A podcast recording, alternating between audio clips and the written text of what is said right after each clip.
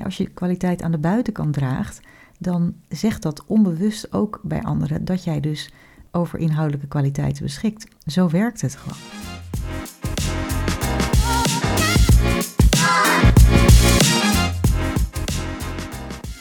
Welkom bij de podcast Wat trek je aan?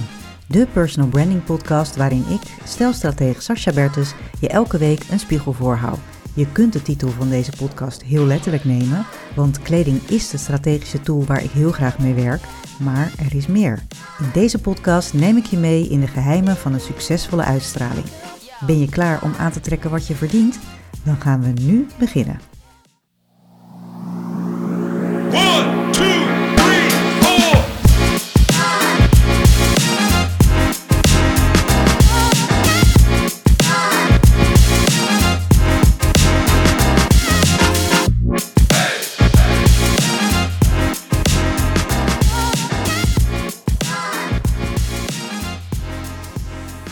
Ze zit nog na te trillen van wat haar baas haar net vertelde. Haar promotie gaat niet door vanwege haar gebrek aan executive presence. Die zag ze even niet aankomen. Als ambitieuze advocaat heeft Sandra de afgelopen jaren veel ervaring en een behoorlijk track record opgebouwd. Dat zou toch genoeg moeten zijn voor haar promotie? Terwijl ze weer een beetje bij zinnen komt, begint het tot haar door te dringen wat er zojuist is gezegd. Hoezo voldoet haar uitstraling niet? Daar gaat het toch helemaal niet om? Sandra heeft natuurlijk helemaal gelijk en daar zou het inderdaad niet over moeten gaan. Maar toch komt dit vaker voor dan je denkt. Als je überhaupt al een reden te horen krijgt, zijn het vage antwoorden als: We zien het niet in je, je bent te onzichtbaar. Of je zou wel eens wat zichtbaarder moeten zijn. Ja, of de ware reden wordt verhuld in een boodschap die er heel weinig te maken, mee te maken heeft. En eerlijk gezegd, in de meeste gevallen hoor je zelfs helemaal niets omdat het achter je rug onbesproken wordt. En dat is ook precies de reden waarom mensen zich er niet bewust van zijn. En daarom wil ik deze uh, eerste podcastaflevering daar ook over praten, over die bewustwording. Want merk jij ook dat je niet verder komt in je loopbaan en krijg je er de vinger niet op waar dat aan ligt? Geef jouw leidinggevende aan dat je over de juiste kwaliteiten beschikt, maar krijg je ontwijkende of misschien vage antwoorden als je vraagt waarom je die promotie dan niet krijgt, waarom je die volgende stap niet uh, uh, kan maken. Of word je keer op keer afgewezen bij sollicitaties terwijl je profiel prima past bij de vacature. Ja, misschien ben jij je loopbaan ook wel aan het saboteren zonder dat je het in de gaten hebt. En als je dit niet meteen herkent, dan weet ik zeker dat het jou ook wel eens overkomen is dat je op je uiterlijk of je buitenkant bent beoordeeld. Nou, wat ik wel al 100% zeker weet, is dat jij anderen beoordeelt op de buitenkant. Dat is namelijk hoe het werkt. En zelfs ik, die er dagelijks mee bezig is, betrap me er zelf ook op dat ik mensen onbewust op de buitenkant beoordeel. Maar op het moment dat ik daar dan bewust mee bezig ga van hé, hey, waar komt dit oordeel eigenlijk vandaan? Ja, dan merk ik pas uh, hoe snel dit gaat en hoe makkelijk je al iemand in een hokje plaatst. Maar is dat ook het hokje waar diegene in thuis hoort? Appearance, dus uitstraling, hoe je binnenkomt, hoe je eruit ziet, dat is het eerste filter dat je gebruikt om te bepalen of iemand wel of niet betrouwbaar, aardig of competent is. En door je hier bewust van te zijn, speel je veel makkelijker in op de vooroordelen van anderen, maar ook op die vooroordelen van jezelf. En daardoor zal het negatieve effect veel sneller verkleinen. Maar het begint allemaal wel met die bewustwording. En zeg eens eerlijk, sta jij bewust stil bij hoe je door anderen gezien en waargenomen wordt? Nou, gelukkig voor Sandra loopt het in haar geval anders en komt ze via haar leidinggevende bij mij terecht. En als ik Sandra observeer, vallen me meteen een paar zaken op. Bij binnenkomst krijg ik een slap handje en een afgewende, een beetje onzekere blik. En ik zie een jonge vrouw, maar ze ziet er eerder uit als een stoffige ambtenaar dan als een ambitieuze professional. En haar overgewicht wordt nog eens benadrukt door te strakke en ook iets wat onverzorgde kleding. Ja, mijn conclusie: één blik op haar zet precies de verkeerde stereotypen in werking. Ja, over die stereotypen gesproken, oordelen doen we allemaal. En al die oordelen, die verwerken we heel snel uh, door ze in categorieën in te delen. En dat zijn die stereotypen. Die hebben zich al van jongs af aan gevormd in je hoofd. Als het ware geprint in je, in je hersenen. En dat zijn de algemene beelden over kenmerken en eigenschappen van uh, mensen. Um, en over hun achtergrond, uh, religie, geslacht, leeftijd, beroep. En iedereen die je vervolgens ontmoet, die wordt door je hersenen ook razendsnel ingedeeld in die stereotype categorie waartoe die volgens jou behoort. En stereotypen die gaan terug naar je eerste ervaringen. En die worden ook nog eens bevestigd in reclames, in het nieuws, in films, series enzovoort. Ja, en of die waarneming klopt met de werkelijkheid, dat is nog maar de vraag. En onze neiging tot hokjesdenken is heel hardnekkig en leidt ook vaak genoeg tot de verkeerde conclusies, zodat, zoals dat ook bij Sandra gebeurde. Een jonge vrouw, slap handje, onzekere blik, overgewicht, onverzorgde kleding. Ja, dat zijn de tegenovergestelde elementen van het stereotype beeld van een leider, wat zij is en ook graag zoals zij graag gezien wil worden. En uh, zoals wij een leider zien, is, uh, is het een volwassen man, vaak wit, slank, verzorgd, met een stevige handdruk en een zelfverzekerde blik. En de indruk die je maakt, die doet heel veel met de beeldvorming over jou. En door hier bewust mee om te gaan, voorkom je dat je ten prooi valt aan die vooroordelen. Of in het beste geval maak je er juist gebruik van. Want het lijkt misschien onbegonnen werk om op te boksen tegen al die stereotypen en vooroordelen, maar er is wel wat aan te doen. En dat is om te focussen op die factoren waarop je wel invloed hebt. En een van die bepalende factoren is aantrekkelijkheid. En in tegenstelling tot bijvoorbeeld etniciteit, leeftijd en geslacht, is aantrekkelijkheid een factor die gemakkelijk te veranderen of aan te passen is. Nou, en dat betekent echt niet dat je je direct moet melden bij de plastisch chirurg of dat je allerlei uh, trucs uit moet halen. Natuurlijk niet, want aantrekkelijkheid is voor een groot deel te beïnvloeden zonder drastische ingrepen. Het denk maar aan uh, je uiterlijke verzorging of je kledingkeuze. Maar ook vitaliteit en passie zijn van invloed op aantrekkelijkheid. En net als zelfvertrouwen. Nou, en laten dit nu ook precies de tools zijn om die heersende vooroordelen te beïnvloeden. Jezelf succesvol presenteren doe je dus door te zorgen voor de juiste, zeg maar, aantrekkelijke verpakking die jouw inhoudelijke kwaliteiten versterkt. Nou, als ik dit aan Sandra vertel, is haar eerste reactie: Ja, ik hoef me toch niet aan te passen. Ik ben toch gewoon goed zoals ik ben daar gaat het toch helemaal niet om. Nou, precies wat jij misschien zelf ook denkt. En ik begrijp dat ook. Ik begrijp dat dilemma. En ik wil ook zeker niet promoten dat, uh, dat zij en ook jij jezelf anders voor moet doen dan wie je bent. Want waar het hier vooral om gaat, is dat er eenduidigheid is tussen wie zij is en hoe ze gezien wordt door anderen. En als daar geen eenduidigheid in is, dan, dan vertel je eigenlijk dus de verkeerde boodschap met je verpakking, met je uitstraling, met je appearance. En in haar geval doet ze zich dus juist anders voor dan wie ze werkelijk is. Want ze is een intelligente en ambitieuze vrouw die alle kwaliteiten in huis heeft om die volgende stap in haar loopbaan te maken. Maar ze doet zich, en dat is geheel onbewust, ze doet zich voor als die ongeïnteresseerde, simpele, stoffige vrouw die niet om zichzelf geeft en dus ook niet om haar werk of haar loopbaan. Ja, hetzelfde geldt voor Ronald. Ronald is een journalist bij een groot landelijk dagblad en die ontmoet ik bij een netwerkevent.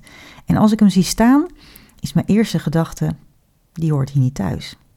Ik zei het al, ik maak me ook schuldig aan uh, vooroordelen en ik, ik oordeel ook.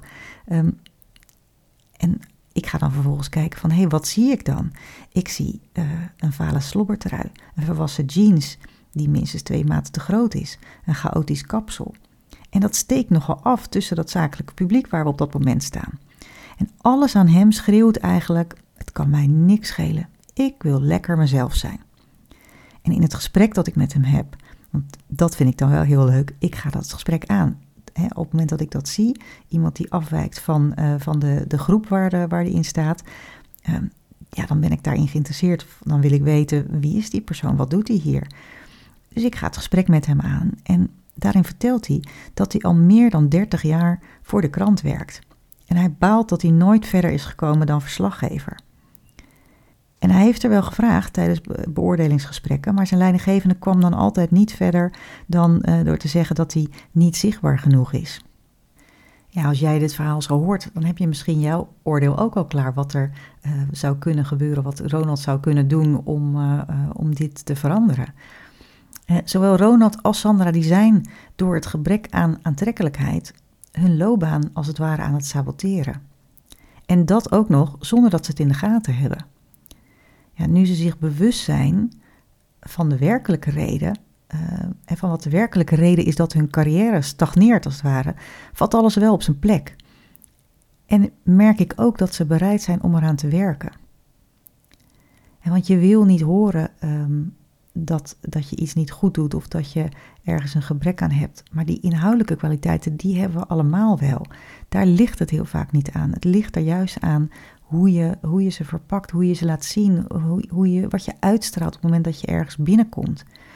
Nou, ik, ge, ik ga je even wat tips delen die ik ook aan uh, Sandra en Ronald uh, heb gegeven. En wellicht dat ze jou ook gaan helpen. He, allereerst, eerste tip is verander de beeldvorming. Realiseer je dat eruit zien alsof je geen aandacht besteedt aan je uiterlijk of je profilering heel wat anders is dan er uit onverschilligheid geen aandacht aan besteden. bijvoorbeeld omdat je vindt dat mensen je maar moeten nemen zoals je bent. In het laatste geval blijft de aandacht juist bij het uiterlijk hangen. Um, mensen haken af. Er wordt niet geluisterd naar wat je te vertellen hebt. Dus onderzoek wat het huidige beeld is dat anderen van je hebben en kijk of er mogelijke stereotypen zijn die jou in de weg staan. En de tweede tip is: bepaal je professionele imago. Bedenk hoe wil jij gezien worden door anderen? Wat zijn belangrijke kwaliteiten die je zichtbaar wil maken? En voor Sandra zijn het bijvoorbeeld ambitie, daadkracht en deskundigheid. En de kenmerken die voor Ronald belangrijk zijn, zijn sociaal, nieuwsgierig, creatief en opvallend. Hoe laat je die kenmerken terugkomen in jouw uitstraling? Hoe herkennen mensen dat aan jou? Ja, dan kom ik bij de derde tip. Ehm, dat is je kleding, je verpakking. Ik zie dat echt als een essentiële strategische tool. Zeker niet um, om er een verkleedpartijtje van te maken, maar juist ook om mensen meteen in de juiste richting te sturen, om ze bewust te beïnvloeden.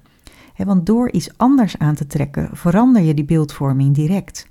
En maak gebruik van dat gegeven en draag eh, de kleding die past bij jou en bij je professionele imago. En Sandra die was al jaren aan het wachten met het aanschaffen van nieuwe kleding, omdat ze eerst op het juiste gewicht wilde zijn. En ook, als ze heel eerlijk was, wist ze niet zo goed waar ze die zakelijke kleding dan kon vinden. En in haar maat. En wat is dan zakelijk? Ze wil ook niet in een uh, donkerblauw mantelpakje lopen. Want dat wordt ook gelijk bedacht bij zakelijkheid.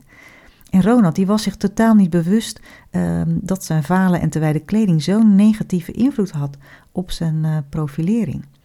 En door zijn kleding nu te zien als een visuele vertaling van zijn kwaliteiten, um, ja, gebruikt hij het als een, uh, als een strategisch tool. En de vierde tip is: geef ook je zelfvertrouwen en je geloofwaardigheid een boost. En in dat geval is kleding veel minder oppervlakkig dan je zou denken, want het doet iets met jou en met je omgeving. De juiste verpakking, um, ja, die geeft je eigenlijk een stoot dopamine. Die geeft jou uh, uh, echt dat zelfvertrouwen en daarmee ook de geloofwaardigheid die je nodig hebt. En dat is die dopamine boost die je, die je heel goed kunt gebruiken. Iets aantrekken waarvan je zelf het gevoel hebt van dit is wie ik ben, hier voel ik me geweldig in. Ja, daarmee krijg je zo'n andere houding. Daar ga je rechterop staan. Daar kom je echt op een andere manier kom je daar de kamer mee binnenlopen. En dat is ook voor Sandra gebeurd. Sandra die voelt zich nu trots en waardevol in de kleding die ze draagt. Door te investeren in die uh, stijlvolle items van een goede kwaliteit, benadrukt ze ook haar inhoudelijke kwaliteit. Als je kwaliteit aan de buitenkant draagt, dan uh, zegt dat onbewust ook bij anderen dat jij dus uh, over inhoudelijke kwaliteiten beschikt. Zo werkt het gewoon. En het dragen ervan geeft ook een positief effect op haar houding en hoe ze gezien wordt door haar omgeving. En Ronald, ja, dat is ook heel, het is allemaal niet zo heel ingewikkeld, maar die combineert een goed passend overhemd met een donkere jeans en een creatief jasje. En die vale kleuren die zijn vervangen door eh, wat heldere kleuren. En dat zorgt voor een veel vitalere en zichtbare uitstraling. Nou, tot slot de laatste tip die ik je in deze uh, aflevering geef is varieer ook met je profilering. Want het wil ook helemaal niet zeggen dat je elke dag hetzelfde uh, aantrekt, want elke werkdag is anders en die vraagt ook om variatie. denk bijvoorbeeld maar aan de verschillende afspraken die je hebt op een dag. Afhankelijk van waar je naartoe gaat, wie je gaat ontmoeten en uiteraard ook wat je wil bereiken, dus je doel van die dag of van dat moment. Daarop bepaal je uh, welke uitstraling past. En voor Ronald kan bijvoorbeeld nieuwsgierig een kenmerk zijn dat hij benadrukt bij een interview, terwijl het kenmerk opvallend veel meer naar voren mag komen bij een uh, beoordelingsgesprek. Zeker als een leidinggevende heeft uh, gezegd: je mag wel wat zichtbaarder zijn. Hij blijft daarbij wel consistent. In mijn boek Verpak je succes beschrijf ik dat ook. Daar heb ik het ook over de bandbreedte. wat is jouw persoonlijke bandbreedte? Want maak dat niet te groot, want juist die te grote variaties, die zorgen ervoor dat de aandacht blijft hangen bij de verpakking. Ik zeg altijd, dan eh, lijkt het alsof je jezelf elke keer weer opnieuw moet voorstellen, omdat je er totaal anders uitziet.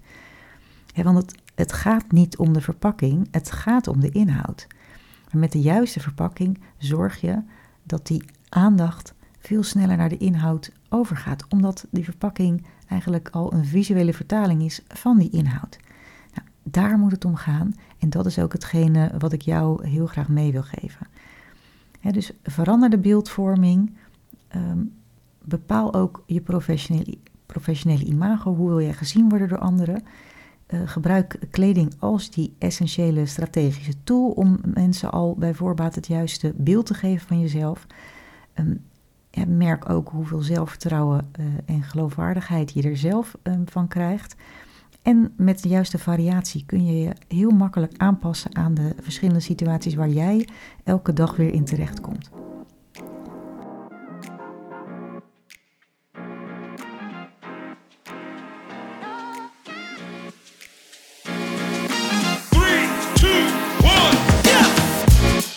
Luisteren naar de podcast Wat trek je aan? Heel fijn dat je er was en ontzettend veel dank voor het luisteren. Wil je nou geen aflevering missen? Klik dan op de volgbutton in je podcast-app. En heb je een vraag of wil je dat ik met je meedenk over jouw appearance?